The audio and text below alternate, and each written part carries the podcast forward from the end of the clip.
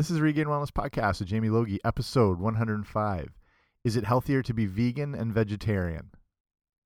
I'm trying to impress people here, Lisa. You don't win friends with salad. You don't win friends with salad. You don't win friends with salad. You don't win friends with salad. You don't win friends with salad. You don't win friends with salad. You don't win friends with salad. You don't win friends with salad. You don't win friends with salad. You don't win friends with salad. You don't win Mom, I didn't mean to take sides. I just got caught up in the rhythm.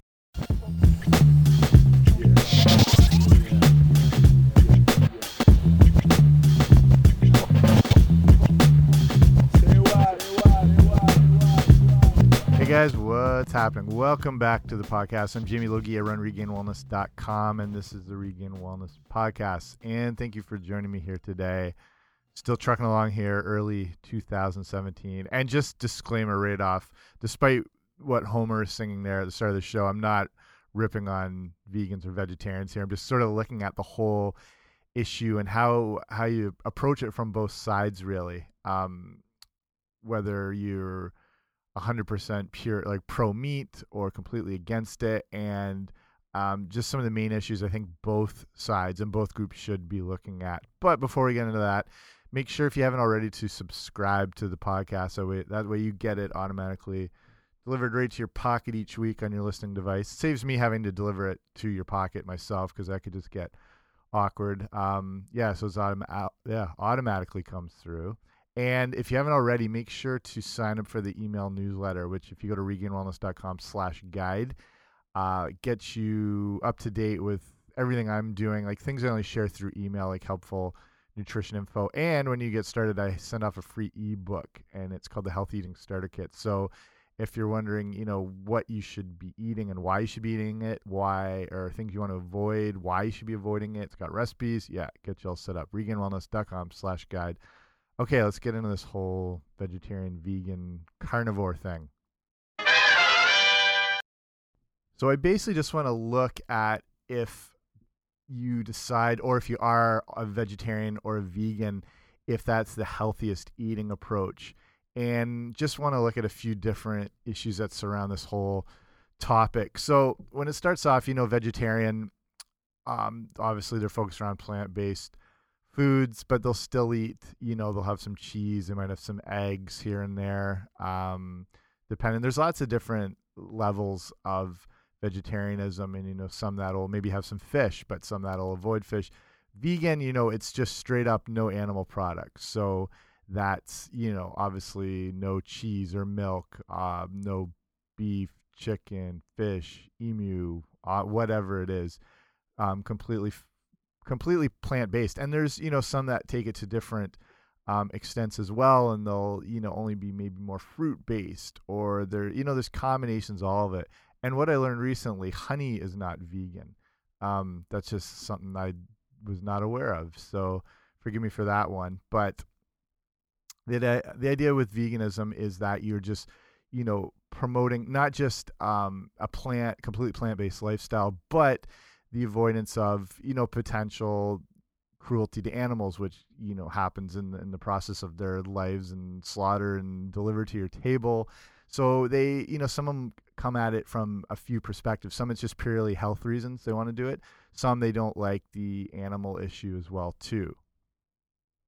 One problem that surrounds being vegan or vegetarian, and this isn't going to just be about the you know problems. I'll look at issues with both sides, like I said one thing is that your your food choices still can be as bad as anything. You know, you could be eating Oreos, drinking beer, eating pasta five times a day, and still be a vegetarian. And I wouldn't necessarily call that the healthiest thing in the world. Where someone who's following a paleo diet, who's consuming a lot of meat, would probably have more of a well-rounded approach when it comes to um, their diet. It would still con- contain some, you know leafy greens and a lot of vegetable sources and they're avoiding you know things like starches um, you know milk products. They're avoiding um, grains. You know paleolithic people are eating the diet that our ancestors ate you know up to around 10,000 years ago before we you know developed agriculture and um, cultivated the land for animal growth and, and using things like that. So with vegetarianism, that's you know, like any form of diet, you can be taking um, an approach that is completely not healthy. So I mean, either side, both sides are guilty of that. The advantage, you know, when being um, real vegetarian and real vegan based is your diet is completely plant based and vegetable based, and they are getting usually, you know, within the the vegetable world, a, a pretty good variety. The people that I know who are vegan or vegetarian, I mean, they're eating every colored plant under the sun, which is an ideal way to eat. Um, especially again, you know, when the foundation of your diet should be at least double digit servings a day of of non-starchy vegetables when you can have them primarily the darkest and the greenest you can find with the green leafy varieties it's just that deeper green means there's a richer chlorophyll content um, there's more you know polyphenols and antioxidants not to mention vitamins minerals the whole deal so um, eating those dark leafy greens you know things that are are deep rich purple color red colors they're getting that wide variety diet they're eating um, abundance of the stuff that everyone should be eating, and that should make up a majority of your dinner plate. The one main concern that people have um, turning to veganism or vegetarianism, and that uh, is kind of um, pointed out the problems they have with people that eat more, you know, animal-based proteins, is the issue around saturated fat and if it's causing heart disease and uh, things like that, you know, higher cholesterol levels and things. And it, this is where it gets into a bit of an issue. And usually the most cited reference, not always, but often, is a thing called the China study. This is a really big study. Uh, well, it basically in, in a book form called the China Study by a guy named T. Colin Campbell, who is a PhD and it was first published in 2005. It sold millions of copies. It's it's probably honestly one of the best selling books about nutrition. And the whole idea with this China studies is examining the relationship between the consumption of animal products, and they include dairy here, and some of those chronic illnesses, like you know I was mentioning the heart disease. Um, but then it gets into you know other issues, whether it's related to breast cancer, prostate cancer, bowel cancers, diabetes, things like that. And to sum it all up, the authors conclude in this book that people who eat a whole food, plant based vegan diet, not vegetarian, vegan, because they're completely avoiding um, dairy and everything like that, they, you know, they're avoiding beef, pork, poultry, uh, fish, eggs, cheese, the whole deal. And they are basically escaping or reducing and sometimes reversing the development of a lot of those diseases I just mentioned and they see it as the miracle cure to avoiding all this stuff and to turning your health around. Um, so that's there. There's another a documentary called Forks Over Knives, which is kind of based around this whole thing too, and looking at what happens uh, when you avoid all the animal-based products and what all the studies said about um, what happens when you eliminate them and focus on that plant based vegan diet. So, a few things with the whole China study. I mean, on the surface, it's really good, but they forget a few things. Like they they don't always mention about the reducing um, the of your intake of processed foods and refined carbohydrates, um, which is essentially sugars in the body, and that is going to have a huge, huge help in the turnaround of your health, especially when it has to do with things like heart disease and diabetes. And you, if you look at the damage of sugar, um, whether it's you know table sugar or refined um, carbohydrates and processed foods, um, high fructose corn syrups added in things. The, these are these sugars are at the root of you know obesity, heart disease, diabetes, and the whole deal. So that's one of the big things here when they're talking about eliminating the animal products. They're also saying how people had to reduce their processed food and refined carbohydrates, and that might be more at the root of all these issues. Another the big thing here is the way they conduct these studies is they take a whole bunch of data and they put them all, you know, together. They have all these different variables. They put them all together and they have thousands of pieces of data.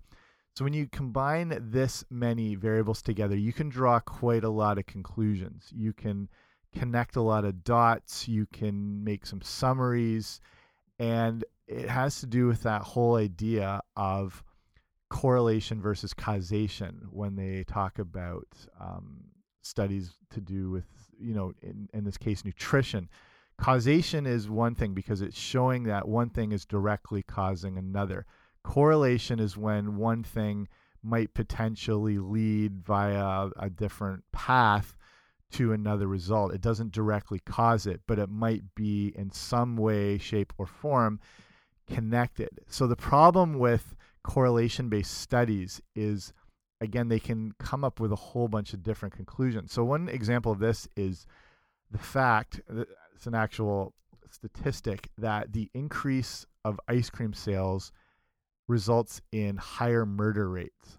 And this is because, not just because people are snapping when they walk into a Baskin Robbins, it is because when they're looking at all the stats and the statistics surrounding these two things, increased ice cream sales and increased murder rates, when ice cream sales go up, it tends to be in the hotter summer months. People are wanting to cool down, they're wanting to treat, they're more out and active. Ice cream shops are busier, the doors are open, you can sit on the patio, the whole deal.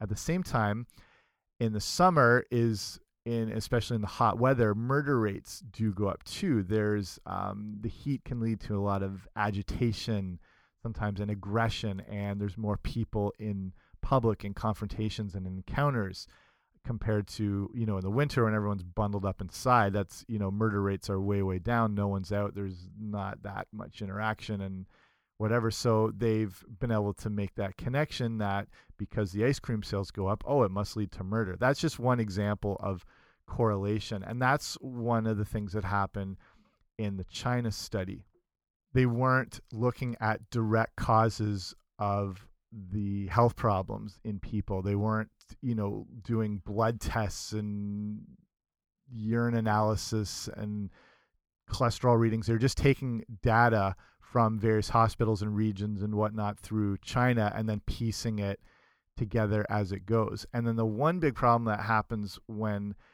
uh, studies like this are done, and it recently happened with the um, actually they do go hand in hand when they're the World Health Organization was talking about the um, increased risk of, of cancer through red meat consumption.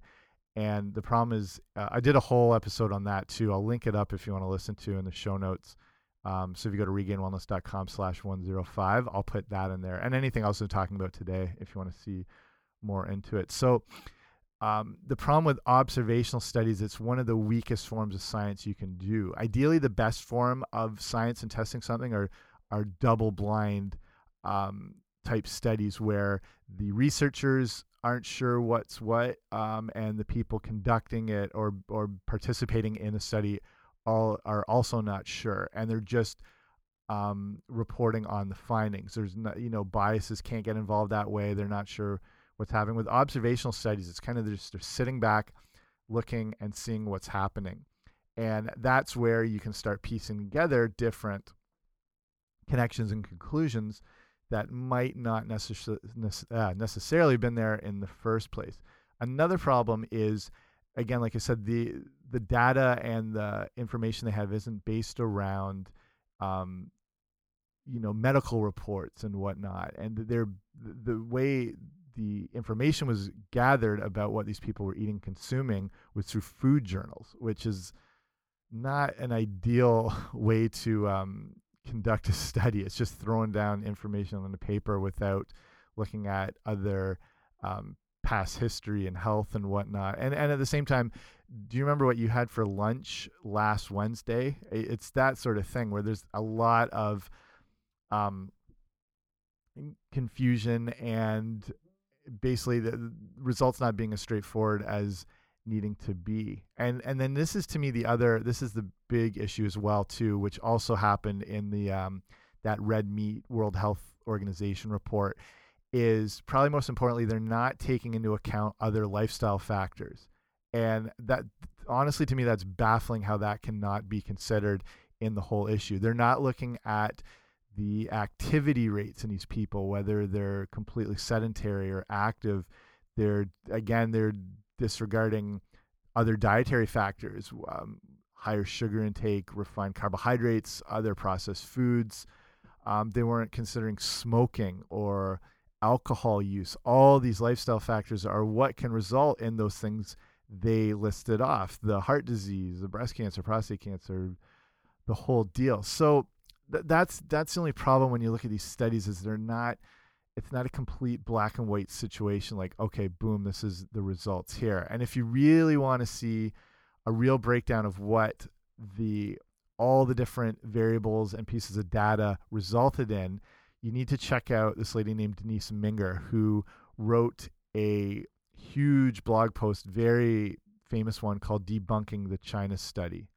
So denise is um, a nutrition researcher and an impeccable um, almost slave to data and figures and goes actually goes through this whole thing. Um, just to sum it up what she did she found a lot after going and reading all the stuff she found a lot of issues with you know bad citations cherry pick references which means you know like that's that whole you know if you're already looking for conclusions you're just trying to like connect the dots with what supports your theory. There's a lot of omission of data that contradicted the thesis. You know, they just decided not to include that. Um, so the actual amount of variables, there was 367 different variables that were created from all the data from the study. And that, remember that whole correlation and causation thing I mentioned, that resulted in 8,000 different correlations. The more data you have, the more um, different conclusions you can come to, the more dots you can connect and different paths you could take. So she spent a month and a half going through all the raw data. This is all the different stuff they got and collected to um, see what it actually all looked like. So if you want to bear with me here, so she, the data that they collected showed that cholesterol is positively associated with various cancers, that cholesterol is positively associated with animal protein and that cholesterol is negatively associated with the plant proteins. So that, you know, the indirect deduction is that they assume that animal protein is associated with cancers and that if you reduce it, it's protective. You know, that makes sense according to all that stuff. But if you compare animal protein intake directly with cancer, there is as many negative correlations as positive if you're looking at that whole issue. And not one of those correlations reaches a level of what they call statistical significance, um, where it's just worth taking as uh, an actual fact. So, also comparing dietary plant protein to various types of cancers, there are many more positive correlations, and one of them does show strong statistical significance. The variable that they call it death from all cancers is four times as strongly associated with plant protein as with animal protein. And um, Campbell in the in the whole China study in the book, he fails to mention an important um, co um, confounder. Is basically what they're saying is cholesterol is higher in geographic areas with a higher incidence of things like hepatitis B infection and different um, other conditions that are related along with that, and those are both risk factors for cancer. So the regions that they're going into, they're showing that um, th there's higher cholesterol, but it's happening because of some other reasons as well besides the animal issue, and that fact is just completely omitted. Um, when it comes to the breast cancer issue and being associated with dietary fat, and so obviously it's associated with animal protein intake. The data show a non-significant association with, with dietary fat but stronger, um, but still not significant associations with several other factors and a significant association with wine, alcohol, and blood glucose levels. So that non-significant association of breast cancer with like legume intake is virtually identical to that non-significant association with dietary fat. So animal protein itself shows a weaker correlation with breast cancer than light colored vegetable um, vegetables, legume intake, fruit, and a number of other supposedly healthy plant foods. This is basically what all the raw data was saying once she went in it. And I, recommend going to um, check out all her work. If you just go to deniseminger.com and you just, she's got all her connections to her studies and her interpretations of the data and um, working through it. She also has an amazing book called Death by Food Pyramid.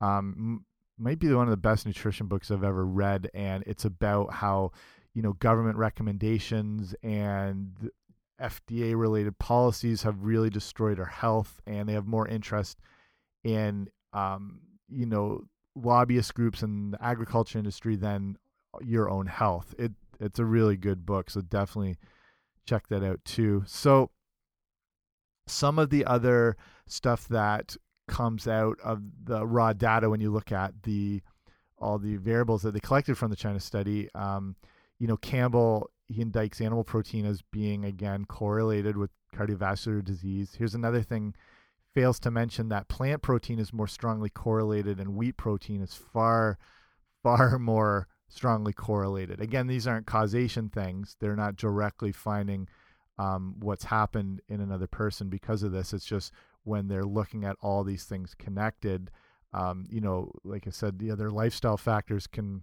play a huge role in it, which they didn't look at.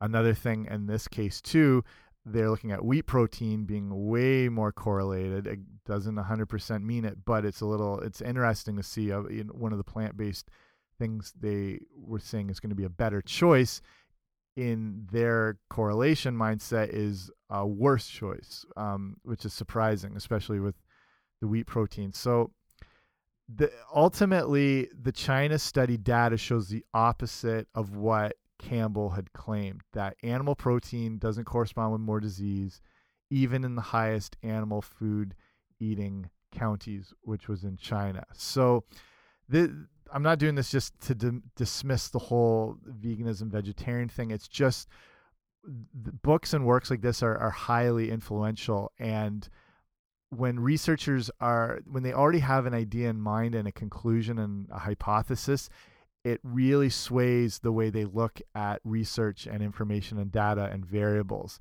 And this might be one of those cases here. Um, uh, other issues that have happened with with veganism is that it's just when you do avoid the animal protein, and I'm going to get into the whole like why this might be good at times to avoid a lot of animal protein. So this isn't completely against veganism at all, but um, one of the issues with um, just being vegan and avoiding animal proteins is not getting the complete proteins which exist in animal products and that's the whole range of amino acids. There's uh, what they call essential amino acids and non essential amino acids.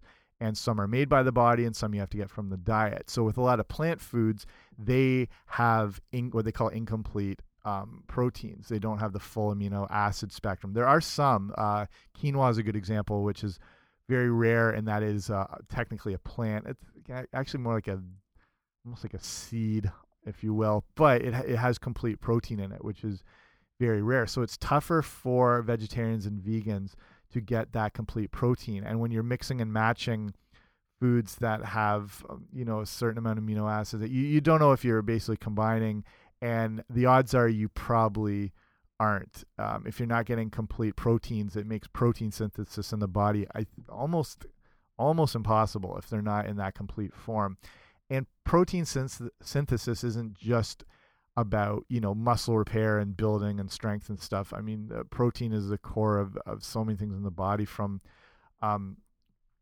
make like with making producing hormones to you blinking to obviously muscle strength and function and um everything like that. So the complete protein issue is um, missing when you adopt a vegan lifestyle, as well as you know vitamin B12 intake, which is essential, and that you can find in things like I think brewer's yeast or whatever, but who knows what the form is like. With um, animal proteins, you're going to find vitamin B12 um, just straight up like that. Another interesting thing, and most people aren't familiar with, is a thing called CLA, which is called conjugated conjugated linoleic acid, and it's interesting in that it is um, helpful in you know, being sort of an anti-cancer agent, but it's also involved with again like lean muscle and body fat reduction. Not not from like a fitness sports sense, which you know it can play a role in, but just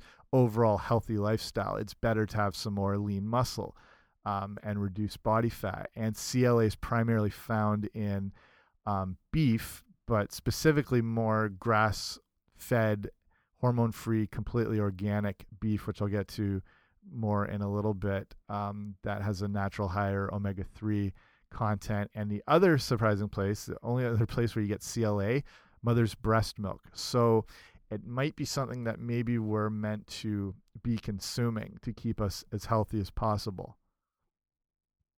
One issue that comes up, or actually doesn't come up a lot, when you look at the sort of lifespan of um, specifically vegans, not vegetarians, because they have um, more exposure to those animal proteins that can contain more of those compounds that are more beneficial for health. It was specifically with vegans is over however long the uh, you know various lifespans are within 10 years 75% of people who adopted a vegan lifestyle have to abandon it um, either they just straight up do or they actually have to surprisingly for health reasons because of that lack of you know complete proteins and b12s and and uh, low sometimes low iron and anemia issues and and whatnot. And yeah 75% have to um, adopt some animal proteins to be healthier. And I, the dalai lama actually uh, noted lifelong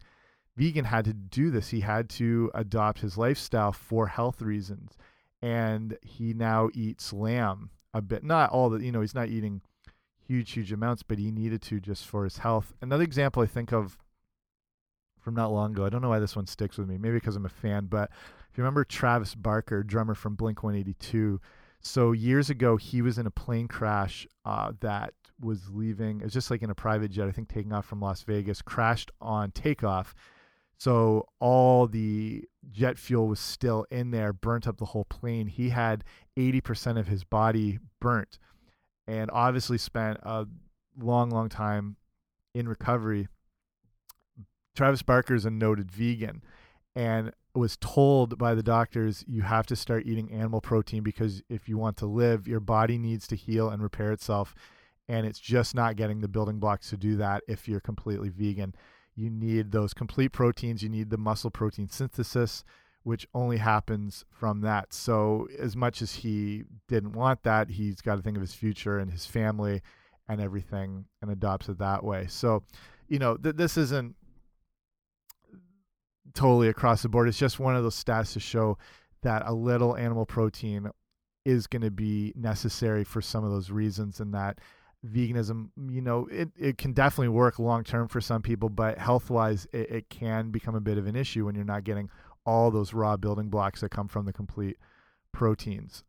So i'm going to switch gears here now and i'm just trying to report everything that's kind of out there regarding issues because i find both sides just attack each other all the time. Vegans are just all over people who eat meat and then um, carnivores i guess are always trash vegans and vegetarians. I'm just trying to wade through all the stuff out there. So switching gears though, I'm going to go into why there are issues with eating a lot of meat too and ideally that the vegan approach is what you do want to take. So it comes down to when you're looking at what your dinner plate should look like.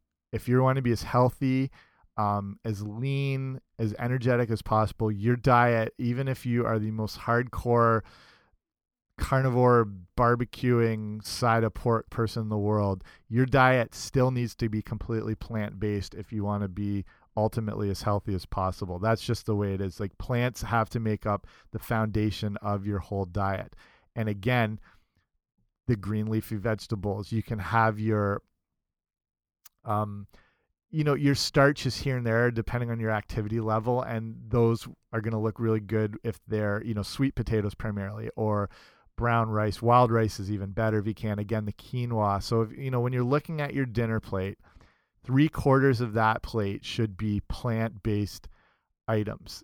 Um, the bit of protein, whether it's from, you know, fish or chicken, or if you like beef or lamb or goat, whatever it may be. I've eaten all those things. I've eaten a lot of weird meats over the years. Um, the rest of that plate, you know, besides um, going for the double digit servings of, of vegetables throughout the day on that plate, you're also going to have things like if you're making a salad, then have some olive oil on it, or if you're cooking with coconut oil, or if you're using some avocado diced into it, nuts and seeds. Uh, if you're eating, you know, some really dark chocolate or like raw cacao dark chocolate, all these things are plant based items. You don't necessarily think of that if you're eating avocado or walnuts or chocolate. These are all plant based items, and that's what should make up a majority of your diet. So, protein wise, if you are, you know, again, 100% carnivore till you die, you are not probably needing as much as you're eating, if that makes sense. If you're a high level athlete, um, if you're training hard in the gym, that changes the conversation a little bit. But you're probably eating more protein than you need from animal sources. You need some, but you probably don't need as much as you're getting. The roughly, if you're the average person and you're working a desk job and not super active and just trying to be healthy, you're looking at maybe around eight ounces of protein a day, which is not that much. And if you look at how much um, is in, say, like if you're eating a small steak or a small filet mignon or whatever it is, that is not all protein. That's maybe only 20%, 30 at most protein. It's got obviously some fat and connect, connective tissue and it's got water in it. So, um, portion size you might be needing you know depending on what it is finding like the cleanest sources possible. If you're having say a chicken breast same thing. There's you know some water in there. It's not going to be always straight protein. I think the highest source protein you can eat i think is spirulina. I think it's and that's 70% protein. Um, you're wanting to actually aim for, and it's one of the, the few times that those RDAs, the recommended daily allowance, is actually probably not too far off,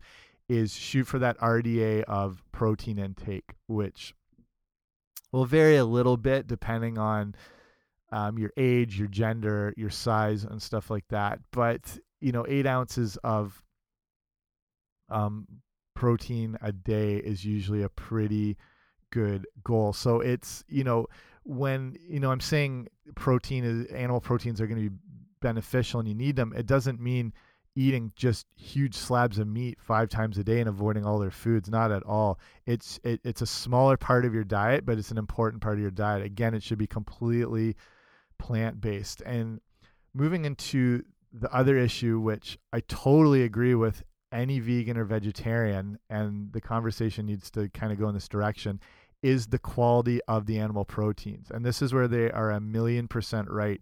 The average type of supermarket based meats like chicken and beef or whatever are are pretty horrific and honestly should be avoided. These are animals that come from confinement lot, factory feed, um, places that are almost creating these like Frankenstein type animals. They so confinement lot is exactly what it sounds like. These animals aren't free to roam naturally how they're supposed to.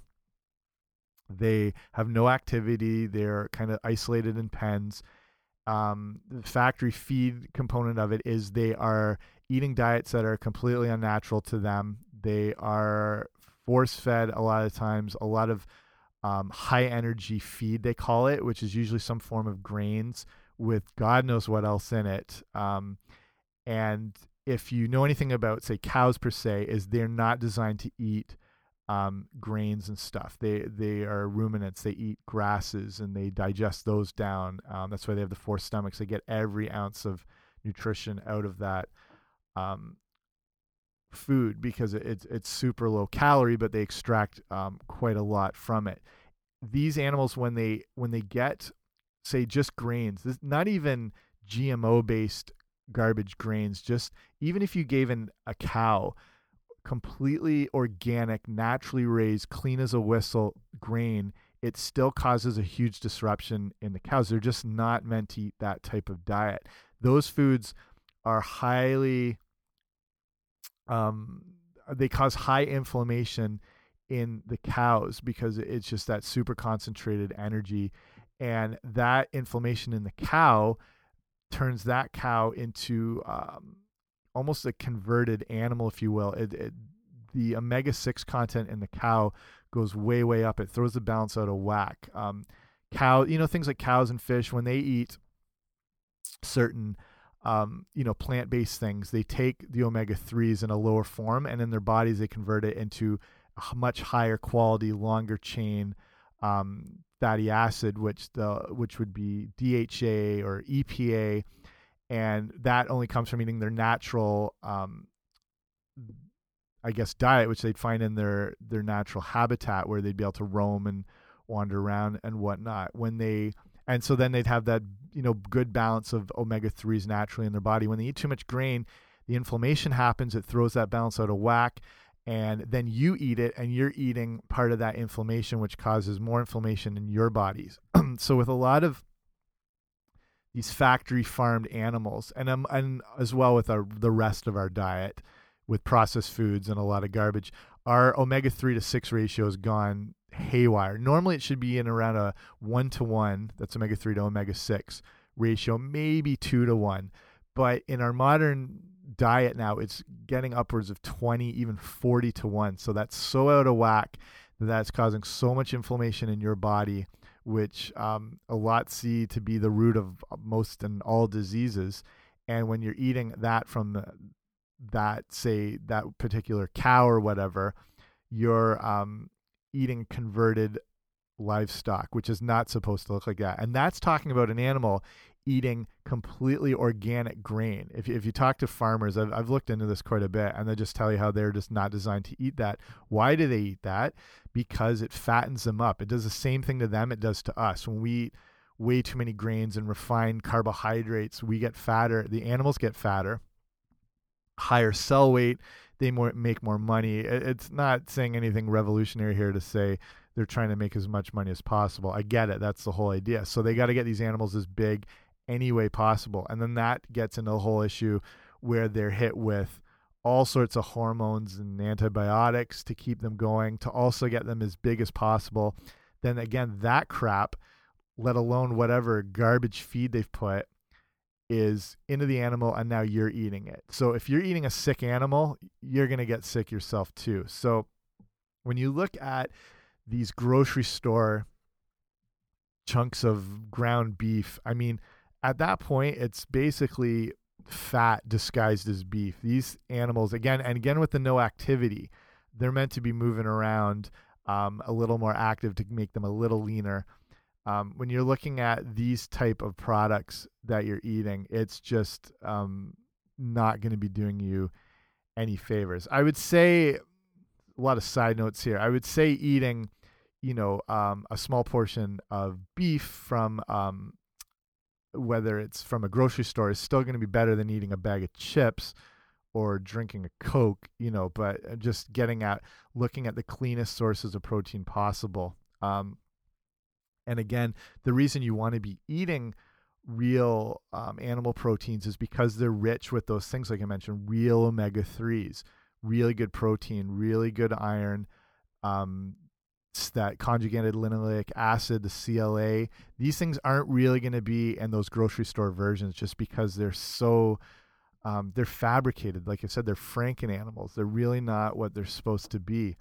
Um, same thing with the chickens the non free range, the ones that are just stuffed in these little pens, pumped full of hormones, and they're aged so quickly to get them to that quick sell off date. I think they're doing with the the way they've um, kind of bred these chickens and increased their uh, ability to get bigger.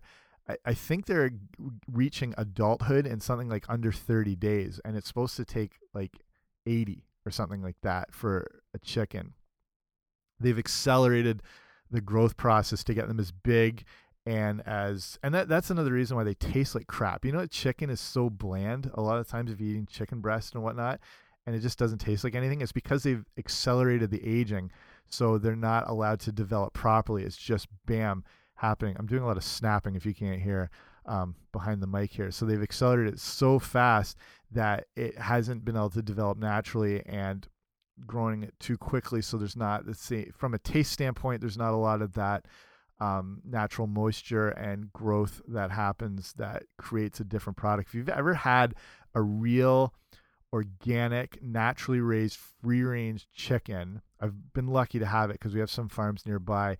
It's it tastes so different. You feel like it's had flavorings added into it, but it's just naturally again if you don't like this i understand but if you're looking for good flavor in food it needs to grow and mature and the stuff that's just been thrown on the grocery shelves is far from it so uh, same thing with um, you know factory raised salmons and they are getting this accelerated growth process through this super high energy feed um, a lot of salmons as well too are actually because they grow so quick and so unhealthy and so unnaturally they're actually dyed pink to look more like their natural counterparts a lot of these fast growth salmons, these farmed salmons, are more of like a grayish color.